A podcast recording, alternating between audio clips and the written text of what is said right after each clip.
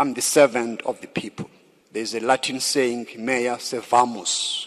The branches are the structures of the organization. We are, we are what we are because of the branches of the ANC. I thank you for your confidence. I thank you for your trust. I'm prepared to serve the people. Gadebe sê die ANC is van die spoor af en dit is nodig om 'n nuwe kultuur van integriteit te vestig. We need ethical leadership that is driven by the collective vision of our movement. We need leaders who are not divisive, but who must serve as the glue that hold the various strands of our movement together.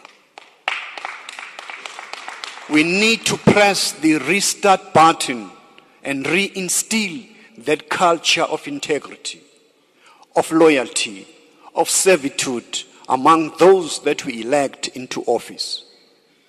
We have done precisely that before.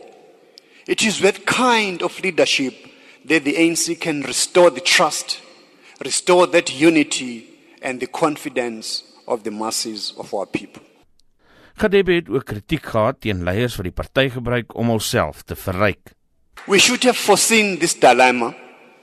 We are warned about these challenges of governance once we assume power.